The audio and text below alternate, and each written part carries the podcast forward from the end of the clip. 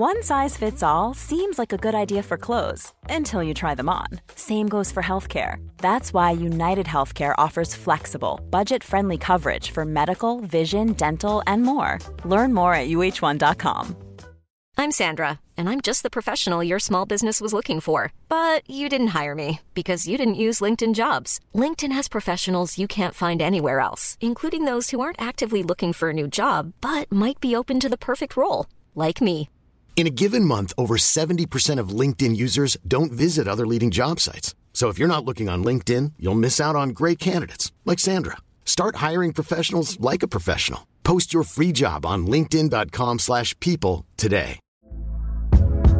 Hey there, it's Michelle Norris. I'm host of a podcast called Your Mama's Kitchen. When I travel, I'm usually looking for a way to find a taste of home when I'm not at home. And one of the things I love to do when I am at home is entertain. And Airbnb allows me to do that. When I was in California recently, I rented a house that had a great kitchen. And when we were sitting around the table, we're all thinking, we're in someone else's house. Someone could be in all of our homes as well. If you have a home, but you're not always at home, you have an Airbnb. Your home might be worth more than you think. Find out how much at airbnb.com/slash host.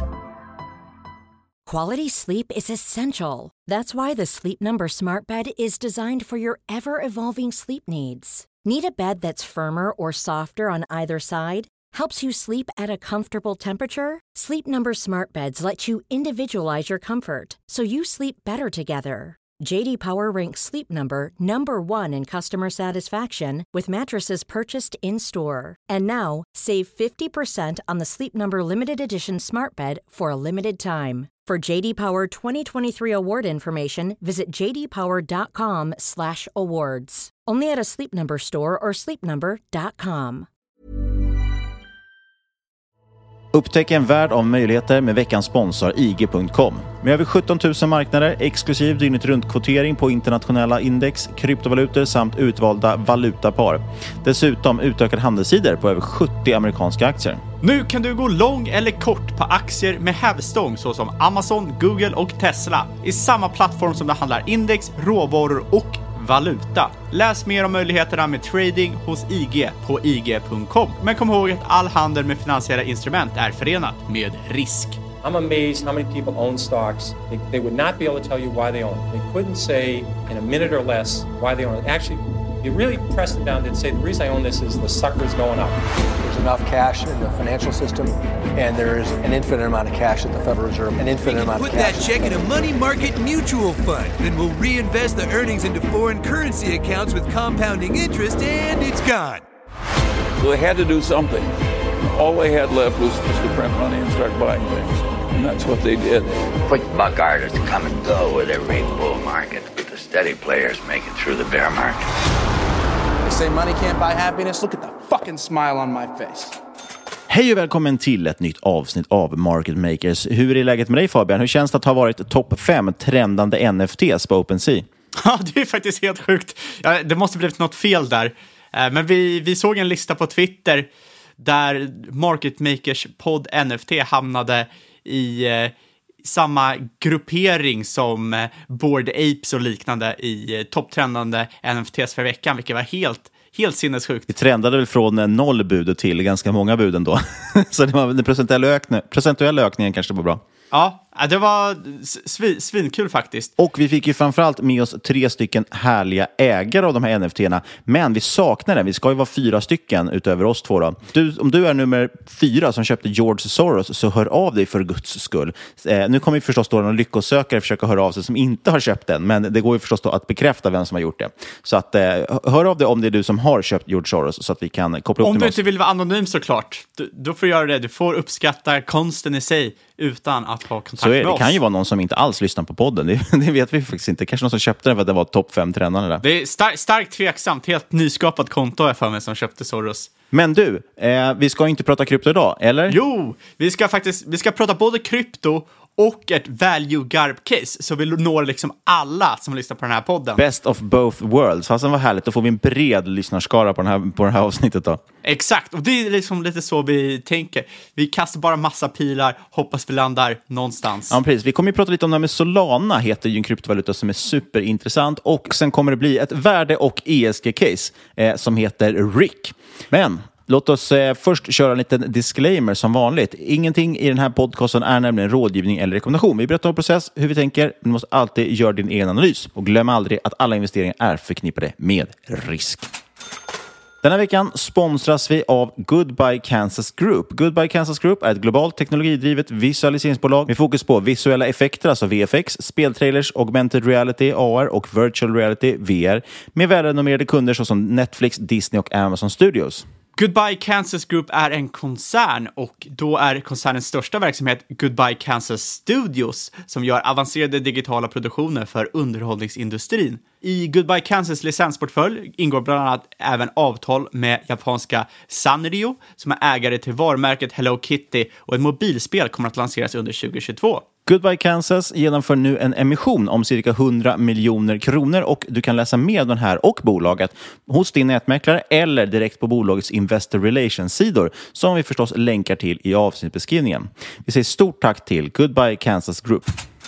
Och vi är också återigen sponsrade av fantastiska nbx.com eller Norwegian Block Exchange som är deras fullständiga namn. Och det här borde ni verkligen kolla på om ni är intresserade av krypto. Det är den seriösaste, bästa plattformen om ni handlar krypto och vill ha ett säkert och bra alternativ. Bitcoin och ethereum, som ni vet, är något vi personligen tycker är väldigt intressant och NBX är det solklara valet för dig som vill handla med detta eftersom det är den enda plattformen som är godkänd av norska Finansinspektionen och är fullständigt försäkrad. Och det här tycker vi gör dem till ett otroligt attraktivt alternativ jämfört med utomnordiska kryptoaktörer. Gå in och kika själv på nbx.com mm, alltså nbx.com mm. Vi säger stort tack till Norwegian Block Exchange. Ja, och nu ska vi ju röra upp lite känslor här bland alla kryptohatare. Det är ju inte alla som tycker att det är lika spännande som oss, men vi ska väl försöka övertyga kanske några till. Inte bara eh, de som hatar krypto kommer vi röra upp känslor, vi kommer ju röra upp i eh, kryptosamhället också, för det är ju så i krypto, det handlar mycket om maximalism där. Det finns ju många som endast tror att liksom bitcoin är vägen framåt, vissa som endast tror att ethereum är vägen framåt. Eh, det är nästan så att eh, det finns för lite minimalister i kryptovärlden. Eh, och där, därför tänkte vi snacka om Solana idag. Och som vanligt, det kommer inte vara supertekniskt utan mer kvalitativt. Varför dras folk till den här eh, kryptovalutan? Eh, och varför har de fattat intresse för det här fyra år gamla nätverket som gått cirka 100 gånger pengarna year to date? Solana då, då det är ett layer 1-protokoll likt ethereum och bitcoin. Vet du inte vad ett layer 1-protokoll är så får du lyssna på sommarens, nej, årets, så får du lyssna på årets sommarserie och det som gör Solana intressant är att det är en helt annan arkitektur, vilket gör att de är mycket snabbare och framförallt har lägre kostnader än andra blockkedjor. Om jag kommer ihåg rätt så har bitcoin cirka, de kan hantera cirka 7 transaktioner per sekund. Ethereum kan hantera cirka 30 per sekund. Eh, med uppgradering till Ethereum 2.0 så är det däremot cirka 100 000. Men det är ett tag kvar dit, det är några månader. Men Solana kan redan nu hantera 65 000 transaktioner per sekund och det här gör de för bara något öre per transaktion, till skillnad mot till exempel bitcoin ethereum där det kan kosta några dollar till några hundra dollar. Ja, men uh, det här har vi fått känna på ju. Det kan vi nämna kring till exempel när vi ska släppa vår NFT. Eh, då fick vi ju lägga ut ungefär, först måste man lägga lite pengar då för att koppla sin wallet till de här eh, NFT man vill ge ut.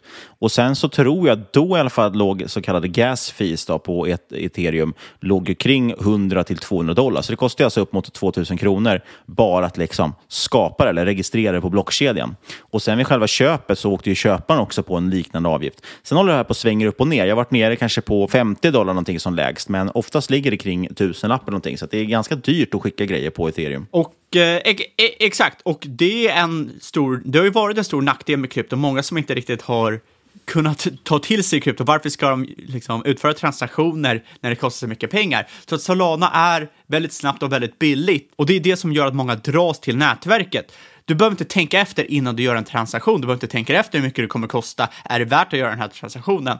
För det kostar i stort sett ingenting. Det känns nästan som vilken Eh, internetprodukt som helst. Du sitter inte och tänker på hur mycket det kostar att söka på produkter på Amazon eller när du ska göra en sökning eller skicka ett meddelande på Facebook till exempel. Nej, och, och det är ju det här som är liksom anledningen till att man ofta säger att eh, testa liksom och experimentera lite själv med de här kryptovalutorna, för det är då man märker de här småsakerna.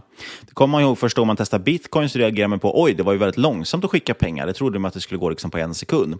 Eh, det löser man ju andra sidan med det här Lightning-nätverket till exempel och andra sådana lager, eh, lösningar som man lägger på lager ovanpå. ovanpå. Och i ethereum så märker man ju det här med gas fees som framförallt blir problem när man handlar med lägre belopp. Men Solana är ju otroligt smidigt. Vi har ju testat på att få handla lite NFT och sådana saker med Solana och det går ju fort och det är väldigt billigt. Ja, och eh, om jag förstår det här rätt med Solana så använder de en blandning av the proof of stake och proof of history, vilket i stort sett betyder att transaktioner på Solana har en bevisbar ordning utan att alla noder behöver komma överens samtidigt. Och det är därför det är så snabbt. Och i och med den här infrastrukturen då, då, så har man en så kallad single shard, det vill säga det skapas inte några sidokedjor som anknyter till huvudblockkedjan som vi snackade om i sommarserien, vilket man vill göra med ethereum till exempel, eller man har börjat göra med ethereum. Och när man skapade Solana så hade man en pitch deck, nådde ut till kända investerare och då pitchade man Solana som blockkedjan med Nasdaq speed. Och eh, det är egentligen det man vill göra för att kollar man på bitcoin och ethereum, bitcoin är långsamt, ethereum är långsamt. De är båda väldigt decentraliserade, men de kan inte hantera Nasdaqs 500 000 transaktioner per sekund. Men Solana kan göra det här till en bråkdel av priset. Så vill man decentralisera finansmarknaden, ja, då måste man ju kunna uppnå de här transaktionerna per sekund. Eh, det man ska poängtera då med Solana, varför det kan vara så snabbt, det är att det teoretiskt sett är mindre decentraliserat än både ethereum och bitcoin. Eh, kärnteamet de jobbar med att öka decentraliseringen, men de ger ju faktiskt någonting som många användare redan nu vill ha och det är användarvänlighet, det är snabbhet och det är lägre kostnader. Och då kan man ställa sig frågan, eh, Solana funkar relativt likt ethereum. Är det en ethereum-dödare? Eh, jag tror absolut inte att det är det. Eh, men som sagt, jag är inte någon maximalist. Jag tror att det finns en plats för flera aktörer, framförallt eftersom det finns en trade-off mellan decentralisering, skalbarhet och säkerhet. Som sagt, bitcoin är väldigt långsamt, men är också extremt decentraliserat. Eh, ethereum är också rätt långsamt, men det är också decentraliserat. Solana är väldigt snabbt, men det är mindre decentraliserat. Så, så att man måste väga in det här och eh, du, när, när, du använder olika typer av blockkedjor kanske du vill utföra olika saker. Det kanske handlar på ethereum när du föredrar säkerhet, i alla fall just nu. Och det handlar på Solana när du föredrar snabbhet. Eh, det som är intressant med Solana är att man vet exakt vem som står bakom. Eh, till skillnad från till exempel bitcoin. Vd och grundare är Anatoly Jakovenko. Jag uttalade nog inte det där helt korrekt. Han är i alla fall en rätt erfaren ingenjör, cirka 15 års erfarenhet från bland annat Qualcomm och Dropbox med att bland annat bygga distribuerade datasystem Eh, i stort sett det han gjorde var att han insåg, aha, det här är en lösning på liksom, de problem som ethereum hade. Så han släppte ett white paper, satte ihop ett team av tidigare Qualcomm-ingenjörer och så drog han igång Solana där man 100% har satsat på snabbhet. Och det som är väldigt intressant med Solana, till skillnad mot eh, ja, till exempel Cardano, för Cardano försöker också utmana ethereum på ett sätt, det är att man har Eh, man satsar på snabbhet, inte bara i transaktioner, utan även bakom kulisserna inom teamet. Kollar du på Cardano, eh, mångas kritik mot Cardano är att det utvecklas väldigt långsamt. Och varför gör det det? Jo, för de vill ju vara the scientific blockchain. De vill ju att allting ska vara väldigt verifierat, de ska utveckla eh, i stort sett all utveckling de gör har en rätt långsam process för att det ska vara eh, väldigt verifierbart allting de gör. Men det gör ju också att de kommer fram väldigt långsamt. Och i kryptomarknaden och webb 3.0 och allt sånt där, då är det ju snabbhet som gäller, annars blir du omkringsprungen. Och då har Solana gått helt rakt in, satsat på snabbhet. Det är snabb iteration som vilken startup som helst, och det tycker jag är otroligt intressant. Och då kan man ställa sig frågan varför har Solana dragit den senaste tiden? Och eh, utan tvekan så är en stor anledning den växande NFT-communityn. Många dras till Solana just för att det är så billigt, det är så snabbt att, att göra transaktioner på Solana. många vill handla NFTs. Och då när den här Degenerate Ape Collection framförallt släpptes på Solana så insåg folk hur snabbt Solana var, hur billigt det var att handla på Solana jämfört med ethereum. Och det lockade till sig många opportunister också som då i princip mer eller mindre tog eh, NFT som fanns på ethereum-blockkedjan och bara kopierade dem på Solana. Jag tror till exempel att eh, CryptoPunk, som är en av de största och dyraste på ethereum, skapar man då väl hette Solana Punks bara eller något sånt på, på eh, Solana istället. Så många försöker ju bara hänga på också och dra nytta av det. Abs absolut, och så är det Men så, så är det allmänt i krypto. Det, det är ju vild, vilda västern. Och det finns ju en poäng med, jag förstår det, för samtidigt är det så att i, i ethereum så är det ju som så att om du lanserar en NFT i ethereum som inte blir en hit, då kostar det ganska mycket pengar och avgifter att liksom ändå släppa dem och sälja dem. Så det är betydligt billigare att, att skapa något på Solana också. Det är ju helt okej om det floppar, för du betalar bara några kronor liksom, i avgifter. Och Det gör också att många tror jag vågar gå in och köpa saker när de är billiga och gambla med lite mer pengar för att det inte kostar massa avgifter. I, I ethereum så är det som så att varje gång du ska gambla och köpa någon, någon billig NFT, ja, även om NFT bara kostar 100 kronor, så måste du lägga liksom 1000 eller 2000 i avgifter. Med det sagt är ju Solanas NFT-marknad mycket mindre utvecklat än ethereum. Eh, glider in på OpenSea, jag blir nästan Eh, jag blir alltid så förvånad över hur utvecklat det är, vilka intressanta konstverk det finns, hur många egentligen rätt eh, kända konstnärer som är där och skapar, folk som faktiskt har liksom byggda communityn sedan innan som har skiftat över eh, till konst på, via NFTs. Så det, där måste man ställa sig liksom att NFTs på Solana, det är fortfarande en väldigt ny marknad, håller fortfarande på att byggas upp, men väldigt intressant, växer väldigt, väldigt snabbt. Och Solana har flera andra intressanta eh, projekt som byggs. FTX, som är den snabbast växande exchangen sedan Binance. A16Z har bland annat investerat i Solana, vilket jag tycker är intressant, för det ger någon typ av liksom den någon legitimitet från den traditionella världen. Eh, en legitimitetsstämpel skulle man kunna säga. Sen har man också likviditetsnätverket Saber, man har flertalet mindre projekt som till exempel Audius som är ett Soundcloud för webb 3.0. Nyligen fick man, ingick man ett samarbete med TikTok. Någonting som är intressant också med eh, Solana och kärnteamet där är att de är väldigt aktiva med att hjälpa nya projekt komma igång. Medan till exempel på ethereum är det lite vilda, vilda västern. Du har dokumentation på hur du ska göra, men vill du skapa någonting, ja, då är det helt själv. Så är kärnteamet väldigt fokuserat på att utveckla olika typer av libraries och introduktioner för att hjälpa folk komma till kedjan. För att i slutändan så är ju väldigt mycket av blockchain, väldigt mycket av krypto, webb 3.0 drivet av narrativ och av eh, utvecklare det, den kedjan som drar utvecklare som kommer få mer projekt som kommer dra till sig konsumenter och det kommer bli en flywheel av det hela. Så att de har ju insett att de måste liksom få in folk som utvecklar på kedjan för att det ska kunna bli någonting långsiktigt och inte bara bli en kortsiktig NFT pump and dump Eh, scheme. Och det är egentligen lite det som är bullcaset enligt många eh, med Solana. Det är att webb 3.0 kan komma snabbare och större än vad man tidigare trodde. I alla fall inom en väldigt kort tidsram. Och det sker ju just på grund av Solanas snabbhet, eh, att man kan ta en, troligtvis en större del av den finansiella marknaden inom krypto. Och framförallt kan man ju då bygga dApps, alltså decentralized apps, för användning som fungerar likt de apparna vi använder på dagens internet. Alltså väldigt snabba, kostar nästan, nästan, nästan till ingenting och det här är ju det som är möjligheten att locka till sig nya utvecklare. Att de inser att ja, det finns en trade-off där kring decentralisering, men det kanske är värt det just på grund av användarvänligheten som kommer antagligen locka till sig nya konsumenter och nya användare. Jag är i alla fall väldigt intresserad av att se vad liksom, det kommer för nya projekt framöver. Jag tror ju liksom NFTs är ju bara startgropen, det är där allting börjar. Det måste liksom, någonting måste få fäste för att sen kommer det komma in saker som folk kanske tror, tycker är riktiga företag och riktiga projekt och så vidare. Men som sagt, det är early days. Eh, mycket kan fortfarande gå fel. Eh, man kanske inte alls lyckas bygga upp den här utvecklarbasen. Man får inte till ett riktigt ekosystem och så vidare.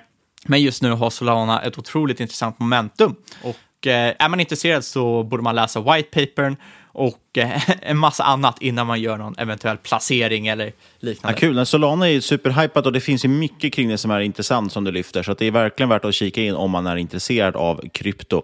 Eh, och framförallt NFTs, det är som sagt mycket lättare och billigare att eh, testa att köpa någonting på Solanas NFT-marknad i och med att det är så mycket lägre avgifter. Jag tänkte bara allmänt på det här om, om att testa. Det är många som tänker liksom att man måste investera i NFTs, men det behöver du inte göra. Du kan ju bara testa och leka. Samma pengar som du går upp på krogen med eller köper byxor med eller vad som helst. och, och, det är det jag menar blir svårt när det handlar om någonting på ethereum, för att eh, många kanske inte vill lägga 1000 eller 2000 spänn i avgifter för att testa någonting. Nej, e exakt, men vi, vi säger att du kanske jag menar, sitter hemma någon helg och istället för att lägga de pengarna på krogen så går du och provar att köpa lite NFTs. Målet med det är kanske inte att tjäna massa pengar, målet med det är att förstå hur allt det här fungerar. Och det tycker jag är rättfärdigt. och det tycker jag liksom majoriteten, 99 procent av människor som sitter och sysslar med borde satsa på istället för att shit, jag, må, jag ska bli rik, jag ska investera mina pengar här och bli rik.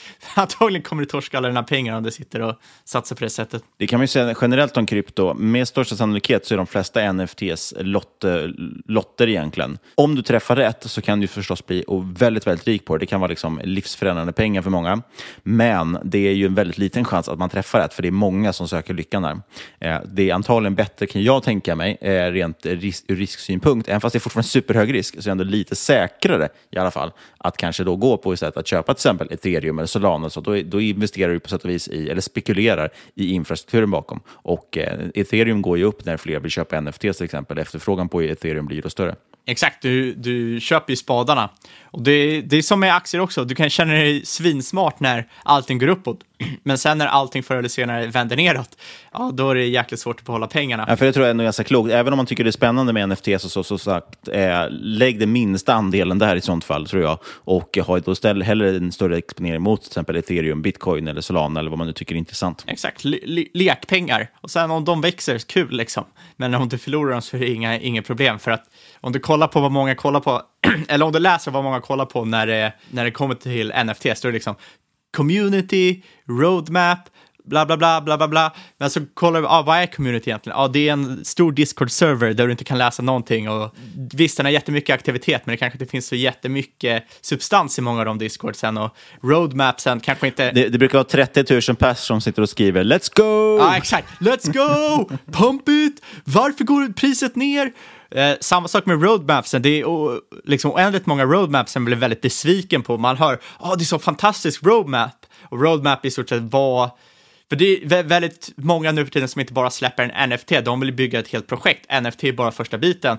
Sen kanske liksom, framöver vill de liksom, bygga något typ av DAO, alltså någon decentraliserad organisation och så vidare. Ja, men jag, kan, jag kan dra ett konkret exempel där. Jag, jag tittade på en NFT just som ligger på Solana också som heter Cam1. Eh, och de har ju då lite manga-stil på liksom sina själva bilderna de säljer. Man köper en, en karaktär. Och där ligger ju en tydlig mm. roadmap på till exempel att ja, men först har du köpt den, eh, nästa steg, jag kommer inte ihåg exakta ordningen, men nästa steg då i princip blir att då, då kommer det släppas också eh, fler sådana karaktärer. Alla som köpte den första, som bara då är manliga karaktärer, då kommer alla få en kvinnlig liksom, motsvarighet också. Sen kommer det då komma ett spel, säger de, och det vet man ju inte alls om det kommer vara ett bra spel eller inte. Antagligen kommer det vara riktigt skit som ingen kommer vilja spela, men då kommer man kunna spela med karaktärerna där och då få en airdrop i form av ett vapen som din karaktär kan använda, eh, som då också är en NFT. Och sen så ska de göra liksom en officiell manga-tidning och sen ska de göra officiell anime och så vidare. och Så vidare. Så det kan vara en typisk roadmap. Men det är ju precis som i vilket förhoppningsbolag som helst, att det är väldigt mycket drömmar och idéer och oftast kanske inte blir så mycket verklighet av det. Eller om det blir det så blir det kanske inte så hög kvalitet. Det finns ju ingenting som säger, om du inte vet att det här är duktig folk som gör liksom den här animen eller det här spelet eller vad det är, eh, om det kommer bli bra. Nej. Många roadmaps tycker jag nu också, så den nya grejen är att man köper billboard-reklam på eh, Times Square, har jag sett flera som gjort nu Ja, också. och det- Och många som har det i sin roadmap. Som bara, "Va- varför ska det öka värdet på det? Nej, det, det är helt, och det, det visar ju på, det är exakt som i företag, alla är inte menade att skapa företag, men nu, nu är det ju en väldigt stor cash grab, det är en bullmarknad på, i, inom krypto, framförallt inom NFT, så då är det klart det är många som vill kapitalisera på det. Verkligen. Jag såg Wall Street Bets. till skillnad mot företag så kan du göra det anonymt.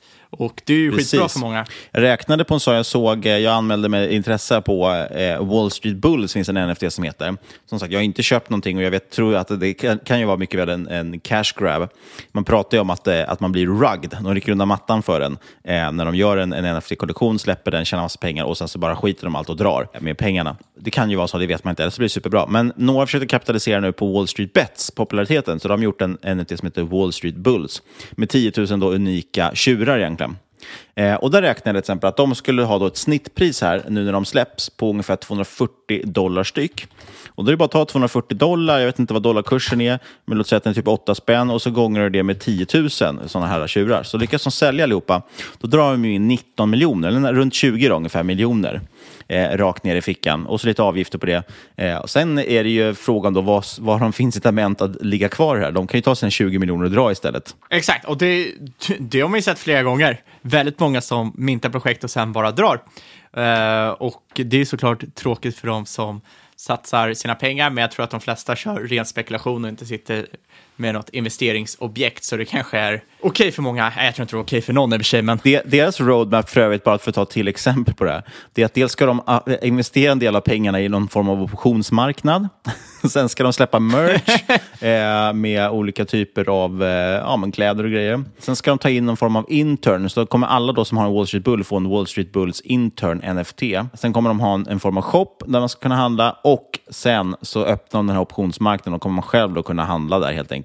Så att eh, ja, det är mycket folk som, eh, som är opportunister i den här marknaden. Det är verkligen precis som guldruschen. Så att var försiktiga var ni än köper. Och som du har sagt nu flera gånger, se det här som lekpengar. Det är verkligen som att köpa en trisslott. Exakt, lekpengar, lära sig hur saker fungerar, äh, lära sig liksom varför varför någon skulle göra det här. Jag tycker det är jätteintressant med till exempel P2E-spel, alltså Play to Earn. Om du kollar på typ så här Axie Infinity och hur du, har, hur du har ökat liksom. Lönerna för de som har spelat i till exempel Filippinerna har gått från 180 dollar i månaden till 300 dollar. Det är ju sjukt stor möjlighet för de som spelar det spelet just i de länderna. Och det är stor, stor möjlighet också för de som skapar spelet just för att det kommer attrahera en väldigt stor publik. Men majoriteten är ju inte dem. Majoriteten av de som säger att de ska skapa spel har aldrig utvecklat ett spel, kommer aldrig kunna skapa ett spel. Det är jävligt svårt att skapa spel. Um, så att man, man, får ju vara lite, vara lite kritisk, man får leka runt liksom. Eh, ser, det, ser det som en stor lek. Sen finns det mycket spännande projekt. Dels mycket inom det som kallas för DeFi, alltså Decentralized Finance, som vi varit inne på förut.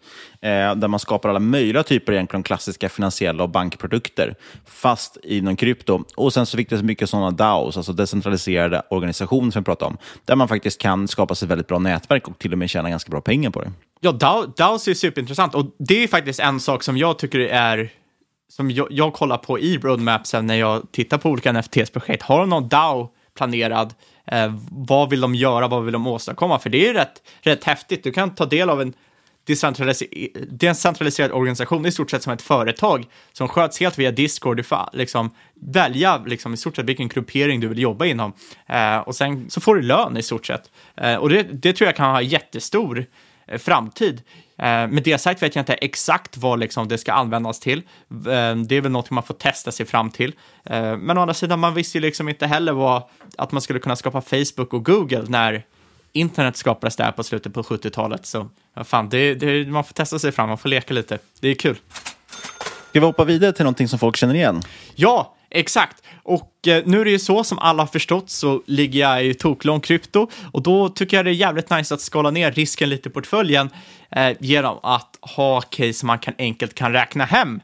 Och därför ska vi snacka om ett ESG-case idag. Ticker RIC, RCI Hospitality, listat på Nasdaq, market cap cirka 600 miljoner dollar, så det är ett litet bolag. Man kan inte vara någon som sitter där med Eh, big tech-bolagen. Det går inte hem så bra i poddstudion. Ja, vi ska gå in lite på vad Rick gör då, eller RSI Hospitality. Och eh, vi kan väl först då bara snabbt säga att det är ju definitivt inget ESG-case som vi pratade om innan, utan det är lite ett skämt. Däremot är det ett värdecase, delvis för att mycket, eh, många behöver välja bort det här kanske på grund av ESG. Precis som att iGaming har varit väldigt intressant, alltså betting och kasino och sånt har varit väldigt intressant i Sverige eh, eftersom ja, många väljer bort det på grund av ESG själv. Och eh, här kan man väl snacka om att vi kanske är lite inne på, på samma typ av historia. Vi har även tidigare pratat om tobaksbolag i podden som många har sålt av för att det är, som sagt, man tror att det är en, en att det inte är så ESG helt enkelt ägare, vilket har gjort att det har varit väldigt attraktiva värderingar och hög direktavkastning. Med den stora feta brasklappen här, vad är det Rick gör för någonting Fabian? Ja, Rick har två företagssegment. Det första segmentet är att man har cirka 40 strippklubbar i stora metropoler som New York, Miami och Chicago. Och det här står för cirka 80 av Ricks intäkter och det här segmentet har 30% ebit-marginal, alltså man tjänar mycket pesetas här. Det andra segmentet heter Bombshells och eh, det är sport och militärbarer i Texas och det här står för de övriga 20 procent av intäkterna för Rick. Och det här, de tjänar mycket pesetas här också, ebit-marginal på cirka 25 procent. Jag tycker vi hoppar in på klubbarna först, det är ändå det folket vill ha. Eh, många av de här klubbarna är då, som ni kanske förstår, riktade mot medel och övre medelklassmän. Men man har ändå en väldigt divers demografi på grund av att man har så många locations. Väldigt olika människor som bor i till exempel New York, Miami och Chicago. Eh, bruttomarginal cirka 90 procent på grund av alkohol och eh, så kallad underhållning. Det är ju rätt galna marginaler här. Det är lite SAS-marginaler. Ja, det är SAS-marginaler, men det är låga cost of goods sold på den här underhållningen. Eh, tillsammans står alkohol och underhållning för cirka 85 procent av segmentets omsättning. Resten kommer från mat och lite annat. Det är faktiskt inte så många som sitter och käkar mat på strippklubbar, även fast jag har hört att Ricks eh, Chicken Wings ska vara riktigt jäkla bra. Så är ni i Chicago så är det bara att ta för er. Men det som är intressant, de här klubbarna har en fast kostnadsstruktur. Det betyder alltså när kostnaden är täckt så går resten av pengarna man får in till bottom line. Eh, cirka 80 procent av de fasta kostnaderna täcks av försäljningen från mat, dryck, cigaretter och memorabilia. Och nyckeln då till pengarna man får in, eh, det är underhållningen. Underhållningen utgör 100 procent av ebitda. Och anledningen varför marginalerna är så höga är att i USA så anses de här underhållarna vara egenföretagare och därav är de inte anställda. Lönen betalas alltså av klientelet och inte av Rick. Egenföretagaren betalar sedan klubben för att jobba där. Eh, och utöver det så är det en avgift per underhållning. Man ska också poängtera att de här underhållarna de drar in cirka 1000 dollar per 8 timmars arbetsdag. Det är alltså inga slavlöner det handlar om. De tjänar mer på tre dagar än vad eh, Svensson gör på månad. Så jag tycker ändå att det är liksom lite eh, synergi där mellan Rick och sina underhållare. Det är inte någon utnyttjning här. Rick är marknadsledare inom strippklubbar. De har en databas över potentiella underhållare eh, där man utvärderar bland annat fraud risk. Det här minskar alltså risken för att man ska bli lurad och de man väljer att jobba med. Eh, de kan till exempel få en upfront-betalning, sen välja att inte betala och sticka därifrån. Det kan inte hända på Rick till exempel. Eh, och anledningen varför de vill jobba på Rick, ja, det är för att Rick har väldigt hög status på grund av sitt klientel och sitt brand name. Dessutom så har ju Rick andra sätt att tjäna pengar på. De tar bland annat 20-50 dollar i inträde, 100% marginal där. Pricing powern där beror lite på efterfrågan, vilken dag det är, hur sent på dagen det är, hur desperata klientelet är på att komma in på klubben. Eh, sen har man ju även VIP-rum mellan 400 till 4000 dollar om man vill lite privat underhållning. Eh, sen har man även bankomater som en intäktskälla. Underhållning måste betalas i cash och underhållning överstiger 50 procent av snittkundens omkostnader. Och det är faktiskt inte obetydande när man kan ta några procent på varje uttag från bankomaten. Jag, jag kan tänka mig, att speciellt när det är intresseavgift också, man vill kanske inte springa ut på gatan och börja leta efter en bankomat, utan när man väl är där inne så handlar man väl i den automaten också och då kan de ju ta några procent där som du säger. Exakt, och det är ju rätt få som har cash nu för tiden så att man har inte så mycket val. De hade, Rick hade nästan 30% ebit-marginal 2020 och då var hälften av klubbarna stängda. Pre-covid var det 36%. Så att eh, det här är en riktig kassaflödesmaskin. Och det som är intressant med herrklubbar är att de inte är lika trendberoende som till exempel barer. Många av de som är störst nu var även störst för 20 år sedan. Det ges, få, eh, det ges ut väldigt få nya licenser av staten. Eh, samhällen är också väldigt strikta på var sådana här klubbar får finnas. Eh, det är alltså minimonopol. Det krävs till exempel att det måste vara x-distans från skolor, kyrkor, parker, allmänna platser och andra klubbar. Och det här gör ju att, liksom att geografiskt så minskar ju möjligheterna för konkurrensen att komma in. Ganska rimliga krav, då kan man tycka att det inte ligger bredvid en skola eller en kyrka. Ja, fan, det är väl jättebra att barnen får lära sig tidigt hur världen fungerar, eller? ja, det får stå för dig.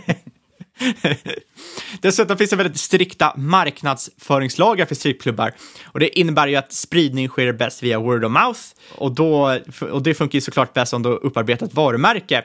Det är väldigt svårt att smälla upp eh, ett eh, plakat och säga kom till Fabians strippklubb, 20% off. Det får du inte göra. Eh, så att det är mest de här legacy brandsen som kommer att attrahera nytt klientel. Det är alltså väldigt höga barriers of entry. Ja, och ganska starka modes låter det som. Man blir nästan lite fundersam på varför inte Buffett har investerat i det här. Det är nästan Coca-Cola-nivå på det känns det som. Eh, det som är väldigt intressant är att klubbarna genererar extremt hög eh, fritt kassaflöde. Men de får inte organiskt återinvestera det här på grund av regleringar, som jag förstått det. Och vad gör man då? Jo, uppköp. Man är marknadsledare, men ändå har man bara cirka 2 market share. Det alltså innebär att det finns väldigt mycket opportunities. Eh, det är faktiskt så att hela deras klubbsegment, cirka 80% är uppbyggt av, klubbkö- äh, av uppköp. Och det som är ännu intressant är prislappen man betalar. Snittuppköpet landar på cirka 3-4 gånger ebitda. Det är för att det är väldigt låg konkurrens kring uppköpen. Det är inte så många som vill sitta och köpa upp massor med strippklubbar, så de har väldigt attraktiva möjligheter för expansion. Ja, det blir lite en compounder, lite multipelarbitrage, för de själva handlar sig typ EV, ebitda 15 eller något sånt. Exakt, och eh, menar, ofta är de här strippklubbarna faktiskt familjeägda, vilket många inte kan tro. Eh, men det är också en väldigt stigmatiserad bransch, så det gör ju att många liksom inte vill skicka ner det här vidare till barnen sen. Det är väldigt svårt att hitta köpare till, till strippklubben om man vill gå vidare. Men då kan Rick komma in där och köpa upp det relativt billigt. Så det blir en win-win situation för båda. Och jag, jag kan tänka att man får också en hel del faktiskt stordriftsfördelar och sådär. Bara kikar man liksom på deras till exempel hemsida och går igenom, då ser man ju alla dess varumärken. Hemsidan är byggda på samma sätt, de har ungefär samma typer av paket på dem och så vidare. Så att det känns som att ta har ju liksom också ett koncept de kan köra ut på alla samtliga klubbar. Så det finns säkert en hel del sådana typer av skal och fördelar och stordriftsfördelar kan jag tänka mig det här också. Absolut, 100 procent. Sen det andra segmentet är Bombshells, som, ja, det var en sport och militärbar. Tio stycken barer, åtta ligger i Houston, USAs fjärde mest befolkade stad. Servitörerna är klädda i militäruniform. Ja, med en eh, viss kanske skillnad från officiella militäruniformer. Då. Det är väl lite mer lättklätt på de här barerna kan man väl tänka sig. Men det är inte på något sätt någon sån här form av herrklubb, utan det är fortfarande en, en riktig restaurang. Och faktiskt, lustigt nog, så är det ändå ganska diversifierat här också, vilka som kommer in. Det är alltså män, det är kvinnor, hela familjer. Eh, största målgruppen är killar och tjejer i grupp, mellan 25 till 35 år. Och en stor lockelse för dem är ju faktiskt att sitta där och dricka, för dryck utgör 60 procent av intäkterna. Det, det har lite annan känsla än till exempel Hooters som man, när man ser, ser det utifrån, skulle kunna dra liksom någon typ av liknelse med. Det som också är intressant är att lik Donken så äger man landet man verkar på. För det är ju så att man köper upp mark där man vill vara, men inte bara där, utan också omkringliggande mark och säljer av det till relevanta företag. För man har sett att omkringliggande verksamheter, konstigt nog, gynnas av Bombshells närvaro. Eh, och det här gör att man snabbt kan dra hem cirka 30% av investeringen. Det som också är väldigt intressant är att Eh, man har också sett att man föredrar att ligga i tätbefolkat område med hög konkurrens. Att det finns till exempel kanske en Hooters och det finns andra ställen att äta på. För då är faktiskt conversion rate bättre. Det tycker jag är otroligt intressant, för man skulle kunna tänka sig att det är bättre att vara restaurang på en liksom, helt separat gata när man har enda möjligheten. Nej, man har mycket högre conversions om man är smack dab in the middle, där det finns jättemycket människor, jättemycket opportunities. Bombshells dubbelsiffrig tillväxt med 25 ebit och eh, man jobbar även nu på att expandera Bombshells till att bli en kedja med 80-100 restauranger i USA, varav 80% ska vara franchise. Det är rätt bra ROI på franchise, fråga McDonalds. Eh, och eh, det är framförallt mer skalbart än att vara helägt. Och det är faktiskt ett intressant läge för Bombshells just nu för att många restauranger i framförallt Texas har inte klarat av pandemin, men även rätt många andra delstater i eh, USA. Ja, då kommer vi in på de finansiella resultaten. Q4 kom faktiskt in idag. 12 oktober spelar vi in kan vi tilläggas, men det släpps 14 oktober. To- exakt, 12 oktober. Omsättningen är upp 91% year on year, 24% om man jämför med Q4 2019. Hade ju en liten dipp där 2020, det var ju så att restauranger var stängda. På helåret är man upp 48% year on year, plus 8% jämfört med 2019. Enligt Rick har det varit svåra komps det här året, men det är så det kan vara ibland. Det som är intressant, aktien är endast upp 0,3 procent sen eh, när vi spelar in. Men å andra sidan upp eh, över 70 procent i år, eller year to date. Absolut, det är de ju. Men vi ska komma in alldeles strax på varför det fortfarande är ett intressant köp. Eh, Rick är också väldigt starka återköpare. De har köpt tillbaka 13 procent av aktierna sedan 2015. Okej, men då kommer det. Vad är egentligen caset? Dragit någon jäkla strippkedja, det är inte jag i portföljen. Det känns ju jäkligt eh, jobbigt. Jo, men vad är det man säger? Pengar har ingen moral. Behåller man den här runraten då för Q4, ja då får man 7 till 8 dollar i FCF per aktie per 2022. Alltså det här fiskala året som börjar nu. Det ger en FCF yield på 10% på ett bolag som växer 10 till 15% per år. Det är inte så svårt att räkna hem. Det behöver inte vara svårare än så. Det är otrolig, eh, otrolig avkastning. Och sen såklart så finns det ju risker med det här bolaget som med alla andra. Staten ska kanske vilja att underhållare ska bli anställda, skulle dra ner på avkastningen eh, rätt rejält. Eh, det är ju en stigmatiserad bransch, minst sagt. Eh, finns väl antagligen regleringsrisk där. Det är ju ett cykliskt bolag. När eh, börsen går bra, då har folk mer pengar i plånboken och kan slänga runt sig. Eh, man kan också ställa sig frågan hur påverkar digital underhållning framöver till exempel Onlyfans? Jag tror nog inte att det drar så mycket. Många vill ju se saker fysiskt, men å andra sidan, många kanske hellre vill se det hemma, slippa skämmas. Man kan ju ifrågasätta det starkt förstås, men det finns ju också en ganska stark kultur, dels i USA, kring att många tar affärsmöten och sånt på den här typen av klubbar också. Det är lite speciellt, och det gör man kanske inte på Onlyfans på samma sätt. Uh, och sen har ju då uh, också management agerat lite tveksamt historiskt. Till exempel så var man under utredning 2019 för att man inte hade skickat in rapporter i tid till Nasdaq lite om, eh, om riskerna där då. För att summera det här caset då, då ja, du har ett ESG-case, 100% ESG-case, här lite strippklubbar och lite lättklädda servitörer på restauranger. En restaurang med militärtema. ja, ursäkta mig, ursäkta mig. Kollar man på bilder från det så är det ju mycket patroner och sådana saker på väggarna till exempel. Det är liksom det temat man har. Ja, på. det är sant. Så alla som tyckte att krypto var vilda västern, då kände de att yes, nu fick vi äntligen någonting seriöst här från Fabian. Exakt. Du, du, det passar bra. Men man får i alla fall betala jäkligt billigt för det här kassaflödet man får. Som sagt, 10% FCF-fil rakt ner i fickan. Ett bolag som växer 10-15% per år. Det måste man ändå kunna kalla GARP, Growth at Reasonable Price. Ja, och vi kanske ska deklarera om vi äger några aktier här. Jag äger inte några aktier i den här typen av klubbar. Gör du det eller? Ja, jag har faktiskt tagit en liten stek här i... Eh... Har du berättat det för din sambo? Ja, ja, för fan. ja, men bra, då har vi allt på det torra.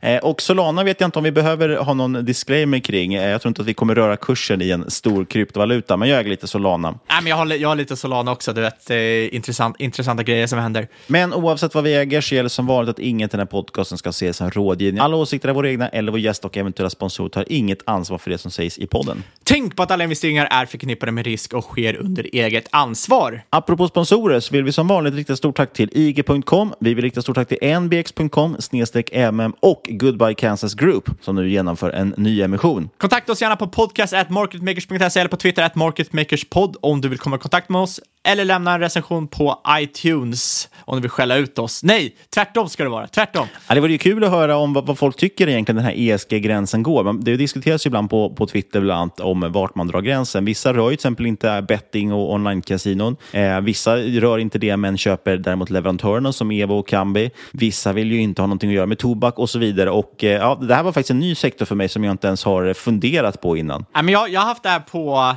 eh, liksom uppe på tapeten länge och har legat där bland case jag ska... Varit ute och lynchat lite eller? Ja, jag tog, tog, tog en eh, helgtrip till Chicago och kikade in. Var jä jäkligt trevligt faktiskt. Bra chicken wings.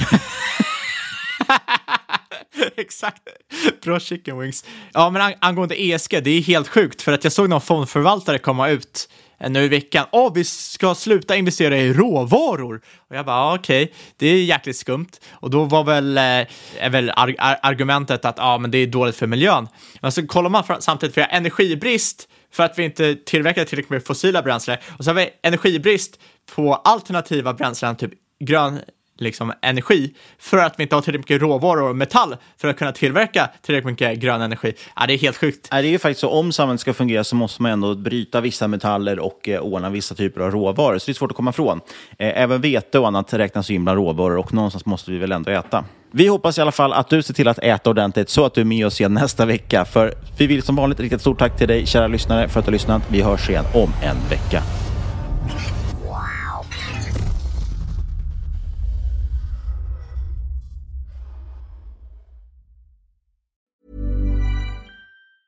Mom deserves the best, and there's no better place to shop for Mother's Day than Whole Foods Market. They're your destination for unbeatable savings, from premium gifts to show-stopping flowers and irresistible desserts. Start by saving 33% with Prime on all body care and candles. Then get a 15-stem bunch of tulips for just $9.99 each with Prime. Round out Mom's menu with festive rosé, irresistible berry chantilly cake, and more special treats. Come celebrate Mother's Day at Whole Foods Market.